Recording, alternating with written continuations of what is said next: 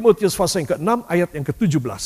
Dari sini saya akan masuk pelajaran yang baru, saudara, supaya kita semua boleh menyadari betapa rawannya saya hidup, saudara hidup saat ini. Kalau kita tidak ada kasih karunia Kristus. 1 Timotius pasal yang ke-6 ayat yang ke-17 Saudara, ya kita akan baca. Satu, dua. Peringatkanlah kepada orang-orang kaya di dunia ini agar mereka jangan tinggi hati dan jangan berharap pada sesuatu yang tak tentu seperti kekayaan, melainkan pada Allah yang dalam kekayaannya memberikan kepada kita segala sesuatu untuk dinikmati. Amin. Katakan, memberikan kepada saya segala sesuatu untuk saya nikmati. Itulah kasih karunia Allah. Beri tepuk tangan bagi dia. Haleluya. Saudara saya tulis lebih dahulu di sini jemaat yang sesuai kasih karunia-Nya.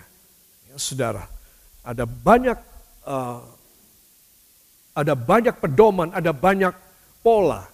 Jemaat ini harus seperti apa? Ya, saudara, tetapi inilah jemaat yang harus sesuai dengan kasih karunia-Nya. Saudara, ada jemaat yang mempunyai mission. Nah, polanya dia dia punya intisari, dia punya dia punya spirit adalah dia punya moto adalah mission. Ya, mengembangkan pekerjaan Tuhan. Ada lagi motonya gereja evangelisasi, penginjilan pribadi. Ada lagi moto gereja adalah berbuat sosial. Ya, Saudara. Ataupun social encounter di mana secara keuangan, secara uh, sembako bisa menjangkau orang-orang, tapi itu tidak bisa dilakukan di Indonesia. Ya, Saudara. Nah, jadi ada banyak cara gereja mempunyai tipe tipikal, mempunyai ciri yang khasnya dia. Ya, saudara, gereja Kristus penebus tipikalnya adalah pengajaran firman. Ya, saudara. Nah itu itu satu tip, tipe yang itu menjadi patokan, pedoman.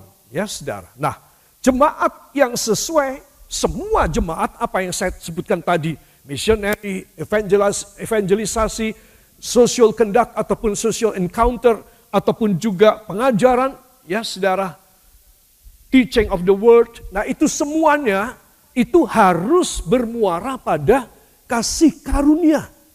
Ya saudara. Supaya apa semua bisa dibawa naik ke atas. Jangan turun untuk dirinya sendiri nanti. Kalau enggak terbang-terbang pasti untuk diri sendiri. Untuk saya sendiri. Untuk Anda sendiri. Tapi kalau kita sudah punya kecepatan yang cukup, kita akan terbang. Saudara, itu kasih karunia yang bisa membuat kita demikian. Ya, Tadi baru kita baca di sini, peringatkanlah kepada orang-orang kaya di dunia ini agar mereka jangan tinggi hati, ya saudara, dan jangan berharap pada sesuatu yang tidak tentu. Seperti apa yang tidak tentu? Kekayaan. Cuma disebut satu. Satu hal yang besar yang tidak tentu adalah kekayaan. Saudara, begitu banyak orang menangis karena rumahnya kebakar atau uangnya habis ludes, pabriknya, perusahaannya, bangunannya, lahan, perkebunannya bisa. Ya, saudara, habis semuanya. Saudara. Nah, disebutkan satu ini. Seperti kekayaan. Jadi kekayaan inilah yang paling volatil, yang paling berombak, nggak tentu, nggak bisa dipegang. Ya saudara, kita meninggal dunia, kita tidak bawa apa pun. Ya, ada orang yang mati membawa apa-apa? Tidak ada. Ya, saudara. Nah, jadi di sini kita melihat seseorang itu meninggal, dia tidak bawa apa pun. Ya, sekarang bagaimana cara Tuhan menegur orang-orang kaya? Itu sebab Tuhan melalui Rasul Paulus dengan hikmat roh Allah mengatakan satu yang paling tidak tentu adalah kekayaan. Saudara. Saya yakin semua kita berdoa, kita mohon diberkati. Bahkan kita kadang-kadang kita lupa minta berkat dari Tuhan. Entoh Tuhan memberkati kita pada hari tersebut. Bahkan luar biasa. Saudara, kenapa? Karena kita tidak mempunyai bayangan dan cita-cita bahwa kita harus kaya. saudara. Tapi apa yang saya dan saudara harus kita mempunyai banyak kasih karunia. Katakan saya harus banyak memiliki kasih karunia Kristus. Supaya saya memiliki harta lebih dari orang kaya. Lebih dari orang kaya. Dalam nama Yesus. Amin. Jadi saudara tidak the heads complex dalam bahasa Belanda di Indonesia akan jadi PD. Saudara tidak PD. Tidak akan tidak PD. Saudara sangat PD. Aku mempunyai kekayaan yaitu kasih karunia Kristus. Amin. Saudara sangat PD. Ya saudara itu sebab saya ingin menganjurkan saudara. Sekarang ini soal pikiran saudara mau kaya, saudara ingin dapat uang banyak, dapat untung banyak, itu Tuhan yang memberi. Tuhan yang memberi. Pada waktunya Tuhan, gak usah khawatir. Ya saudara, kalau saudara khawatir, saudara mata duitan. Saudara tidak boleh khawatir. Oke, kalau saudara tidak khawatir, Tuhan tahu apa yang terbaik buat saudara. Pada waktunya Tuhan yang terbaik, saudara akan diberkati luar biasa. Amin. Saya percaya Lalu sekarang apa dong yang harus menjadi konsentrasi saudara? Konsentrasi saudara adalah apakah saya ini masih mendarat terus? Kecepatannya tinggi, tenaganya hebat. Gak bisa mabur tapi. Saudara. Nah saudara membutuhkan sayap Raja Wali. Katakan saya membutuhkan sayap Raja Wali. Ya. Supaya apa? Supaya saudara bisa terbang ke angkasa. Amin. Yang mau beri tepuk tangan bagi dia. Saudara, ada tiga hal yang saya perlu kemukakan dari satu ayat tadi. Jangan fokus jadi materialis. Materialis adalah orang-orang yang materialistis. Orang yang kebendaan, orang yang ya apa itu ya, apa-apa harus dihitung dengan nilai, dengan benda, ya dengan uang, materialistis. Saudara, dia pakai tas baru, aku juga tidak terima Aku juga harus punya tas baru. Enggak tahu tas kresek pokoknya baru. Ya. Nah ini satu contoh. Ini orang materialistis. Ya. Nah saudara, kemudian hal yang kedua, jangan bos kesombongan. Justru kesombongan saya itu harus diminimalisir, dihabisin. Katakan kesombongan saya harus dihabisin. Tidak boleh di. Ya, saudara. Nah, jadi jangan kita ini memboosting kesombongan.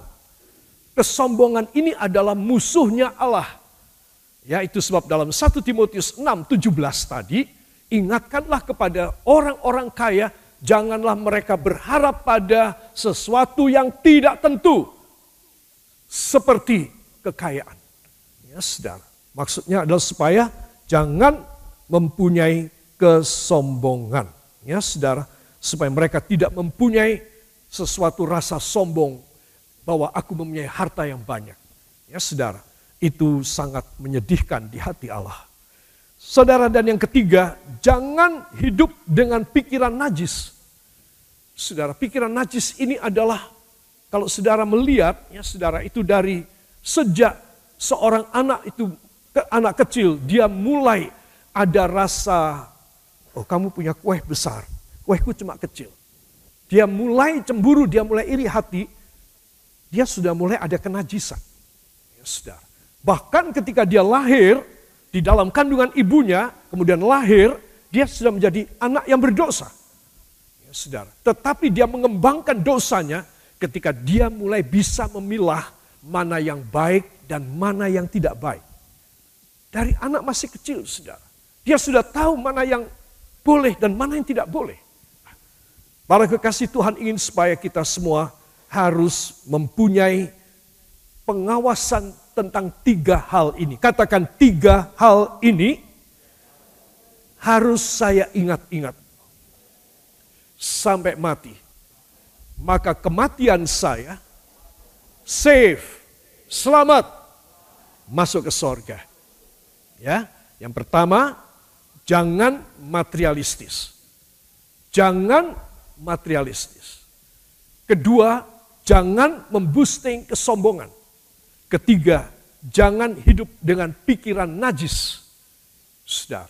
Dan saya perlu pada bagian ketiga ini secara detail malam ini.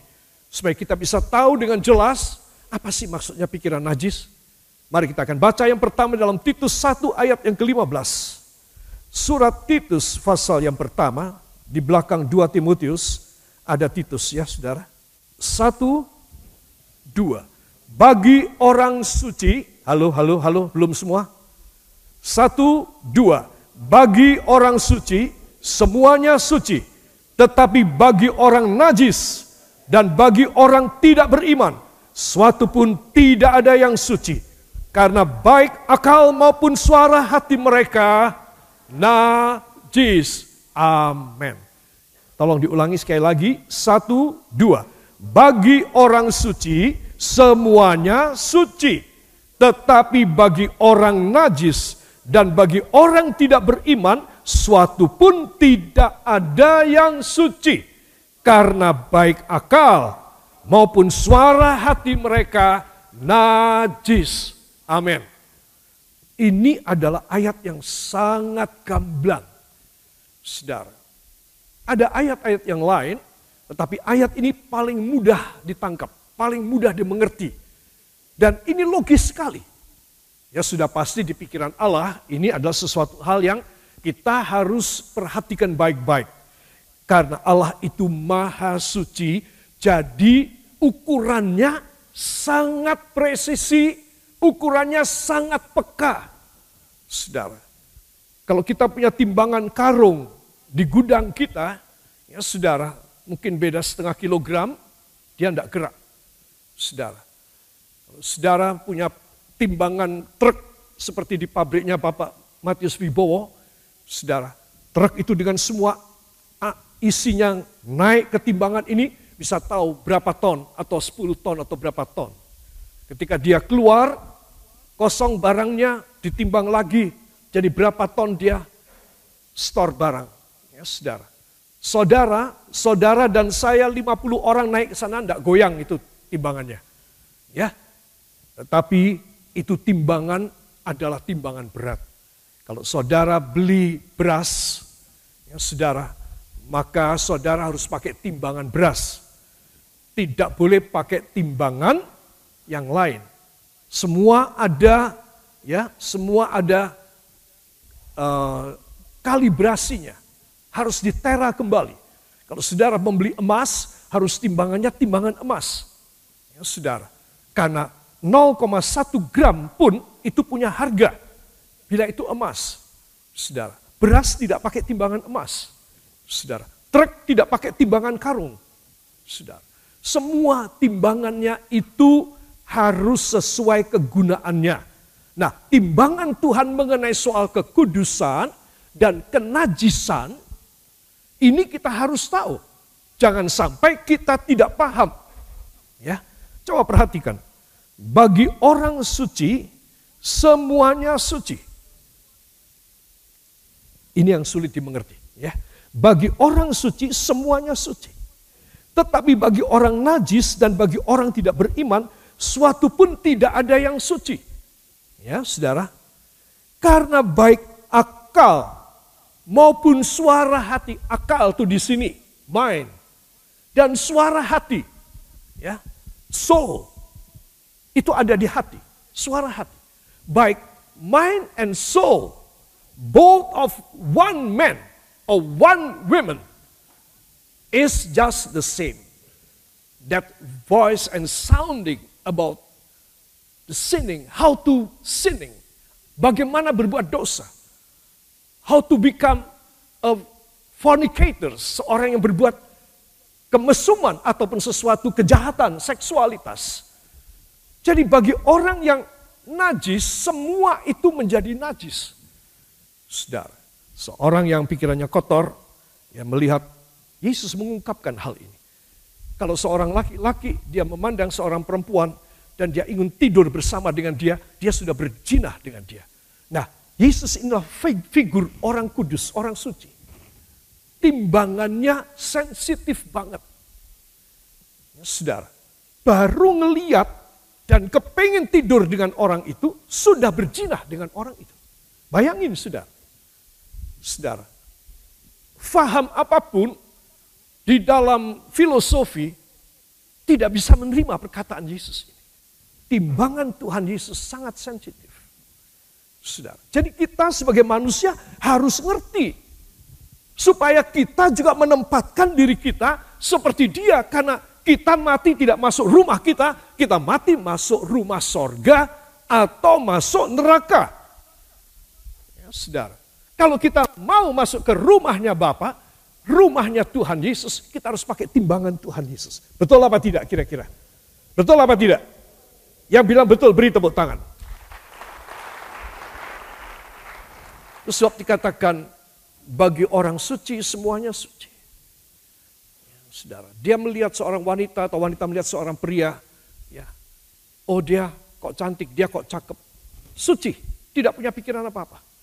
Saudara, tidak bisa dikatakan semua orang ini jelek semua rupanya. Aku nggak suka semua. Wah itu namanya sangat munafik. Saudara membohongi diri sendiri.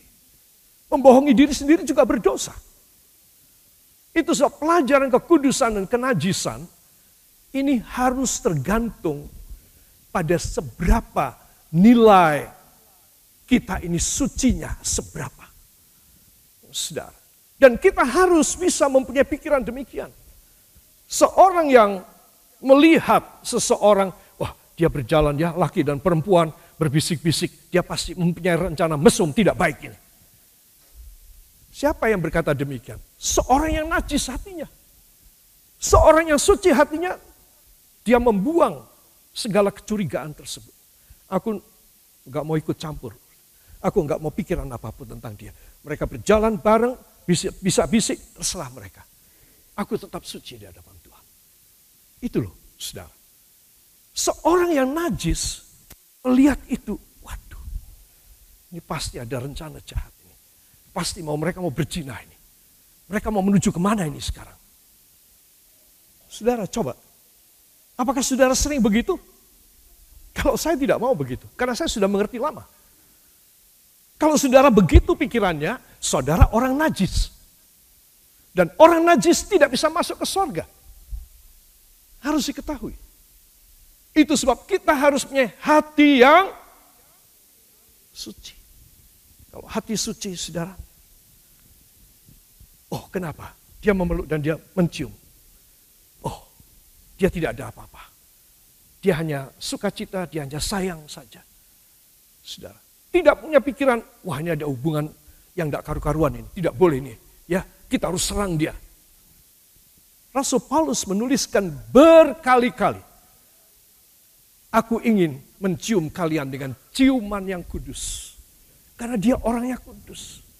Jadi bagi dia berciuman, berpelukan, no problem. Selama aku kudus. Kalau kamu punya pikiran jahat, kamu najis. Saudara. Itu sebab pada Titus, Rasul Paulus menulis juga demikian. Saudara. Supaya apa? Supaya dia memberdirikan norma kekudusan yang dari Allah, yang ilahi. Bukan yang munafik. Saudara. Ah pura-pura nggak mau bersenggolan. Tapi di belakang tidak karu-karuan. Itu kan munafik. Saudara.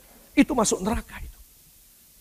Seorang harus mempunyai hidup yang kudus. Itu dengan maksud supaya dia mengambil, dialiri dengan kekudusan Allah yang sangat peka. Saudara. Supaya apa? Supaya dia pun sendiri, kalau Umpama misal, aduh di kereta api atau di pesawat duduknya di sampingnya ada perempuan, di samping lagi ada perempuan, atau dia perempuan, sampingnya laki, sampingnya juga laki. Pikirannya ke mana-mana. Saudara, coba, ini kan orang najis pikirannya. Kalau orang najis ya kayak begitu. Dan keakhiran orang najis masuk neraka. Hidupnya tidak bisa happy. Hidupnya tidak bisa blooming hidupnya tidak bisa fruitful, berbuah. Najis. Tanaman saudara yang ada hamanya tidak akan bisa berbuah. Sampai saudara tebang sama sekali dan saudara gali sampai ke akarnya, pindah tanahnya, atau cari tanah yang baru. Saudara, kecuali saudara akan bebas hama. Itu sebab tiga hal ini dari 1 Timotius 6, 17 harus kita perhatiin. Supaya kita ini mempunyai, katakan supaya saya memiliki standar ilahi di bidang kekudusan dan kenajisan. Ya, supaya saudara tidak kalau tidak saya ajarkan saudara ini cuma punya pikiran munafik saja. Saudara cuma munafik saja. Saudara. Pada akhirnya saudara akan terima hukuman Allah. Saudara harus memilih dan memilah. Oh, aku harus hidup dalam kekudusan, pikiranku harus beres, tidak boleh najis. Nah, inilah saudara yang akan menghargai saudara. Ketika saudara dalam kesusahan, ketika saudara berseru meminta jawaban doa, bahkan ketika saudara dalam keadaan hampir meninggal dunia, Tuhan menghargai siapa saudara karena kebenaran saudara, bukan karena apa pun saudara, tapi karena kekudusan dan kebenaran saudara. Dia menghargai saudara. Saudara, masuk neraka, masuk sorga, tergantung saudara, tidak tergantung Tuhan lagi. Tuhan sudah kasih semuanya. Tuhan sudah habisin semuanya. Saudara. Bahkan setelah habis sekalipun daging dan darahnya telah ter, tercabik-cabik dan tertumpah semuanya habis. Yang namanya darah tinggallah tinggal serum saja. Saudara, cairan saja yang putih. Cairan yang bening saja yang keluar. Yaitu plasma darah. Hemoglobin tidak ada. Merahnya darah sudah tidak ada. Sat bakal pembentuk hemoglobin yang masih putih warnanya. Yang belum masuk ke sumsum -sum tulang belakang untuk dibentuk menjadi hemoglobin, darah yang merah. Itu zat yang cairan yang putih itu saja. Yang keluar. Karena hemoglobin sudah keluar semua. Dia sudah memberikan semua darahnya buat saya dan buat saudara. Sekarang bagaimana kita? Kalau saya dan saudara mengerti bahwa dia sudah habis-habisan untuk kita orang. Masih ditambah lagi dia naik kembali kepada Bapak duduk di sebelah kanan Allah Bapa dan dia mencurahkan Roh Kudus. Sehingga kita yang bukan hanya makan perjamuan kudus saja, daging dan darahnya saja. Kita juga diurapi dengan rohnya. Sehingga kita dimeterai. Apa yang kita makan dan minum dari tubuh dan darah Yesus. Yang kita terima dari firman Tuhan. Dimeterai oleh pengurapan minyak. Wah, gak kurang-kurang loh saudara berlapis-lapis pengamanan saya, pengamanan saudara. Amin. Itu sebab kita harus bersyukur kepada Tuhan. Itu sebab saya perlu untuk menjelentrehkan hal ini. Supaya saudara podo ngertiyo. Supaya saudara itu harus memakai standarnya Tuhan. Amin. Dan saudara tidak usah ngurusi orang lain. Emangnya kau siapa? mengurusin orang lain. Tidak usah. Urusi dirimu sendiri. Karena masing-masing kita bertanggung jawab di hadapan Tuhan. Yang percaya beri tepuk tangan bagi dia. Inilah jemaat yang merdeka dari keduniawian. Sebab keduniawian ini bukan hanya menginginkan hak tetangga kita ataupun seperti orang lain punya aku harus punya. Saudara, keduniawian juga mengenai soal kekudusan hidup.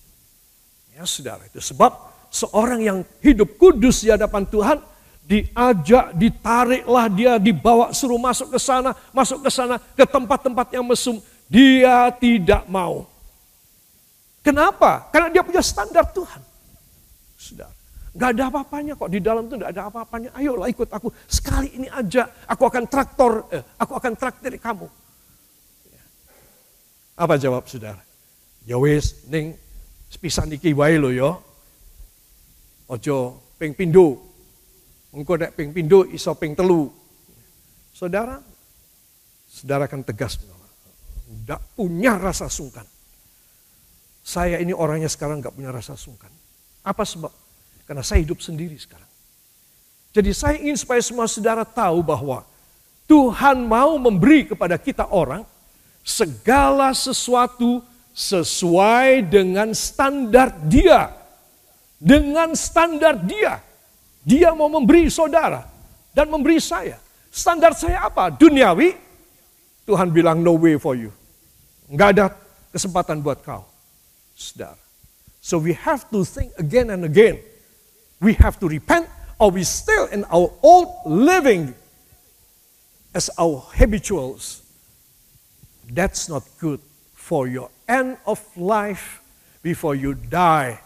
And at a time, you have to lose and you have to break out everything from you and you are gone already. It's not good for you.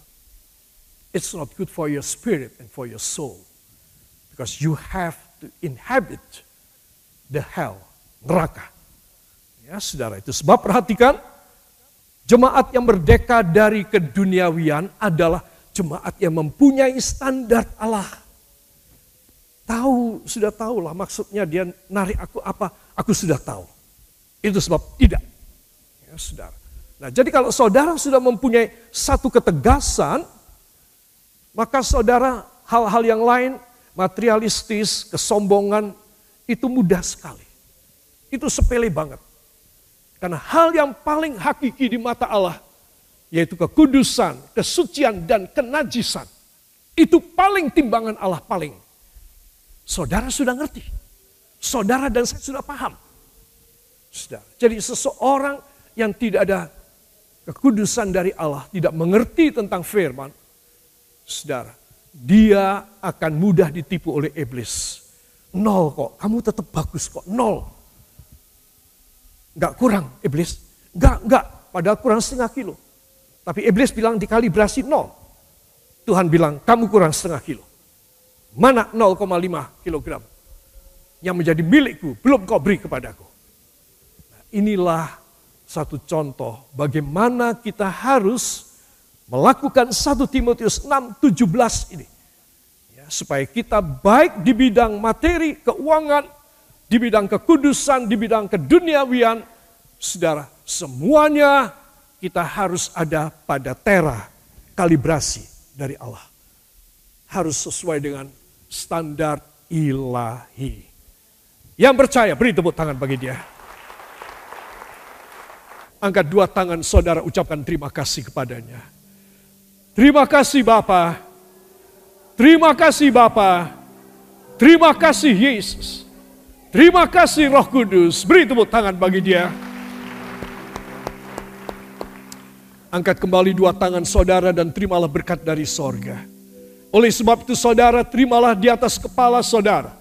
Damai sejahtera dan berkat yang turun dari tahta Allah Bapa, Allah Putra, Allah Roh Kudus, Allah yang Maha Esa dan Maha Tunggal adanya di dalam nama Tuhan Yesus Kristus.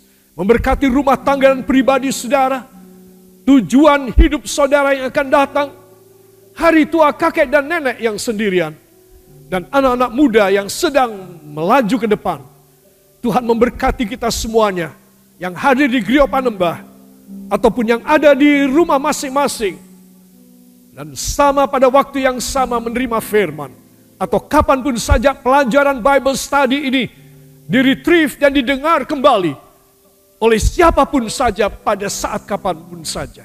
Diberkatilah saudara semuanya. Berkat-berkat yang luar biasa diberikan. Karena firman adalah penuh dengan kuasa Firman inilah kehidupan kita. Diberkati korban kolektor saudara, teristimewa. Segala pengembalian persepuluhan saudara sesuai dengan Maliaki 3 ayat 8 dan 10. Sesuai dengan Ibrani 7 ayat 1 sampai 10. Kembalikan pada saudara luar biasa. Dan kuasa Allah Bapa, Putra dan Roh Kudus melingkupi saudara. Diberkatilah engkau yang sudah datang dalam nama Tuhan Yesus Kristus. Juru selamat dalam penebus kami. Dan kita semua yang diberkati mengaminkan. Amin. Beri tepuk tangan bagi dia.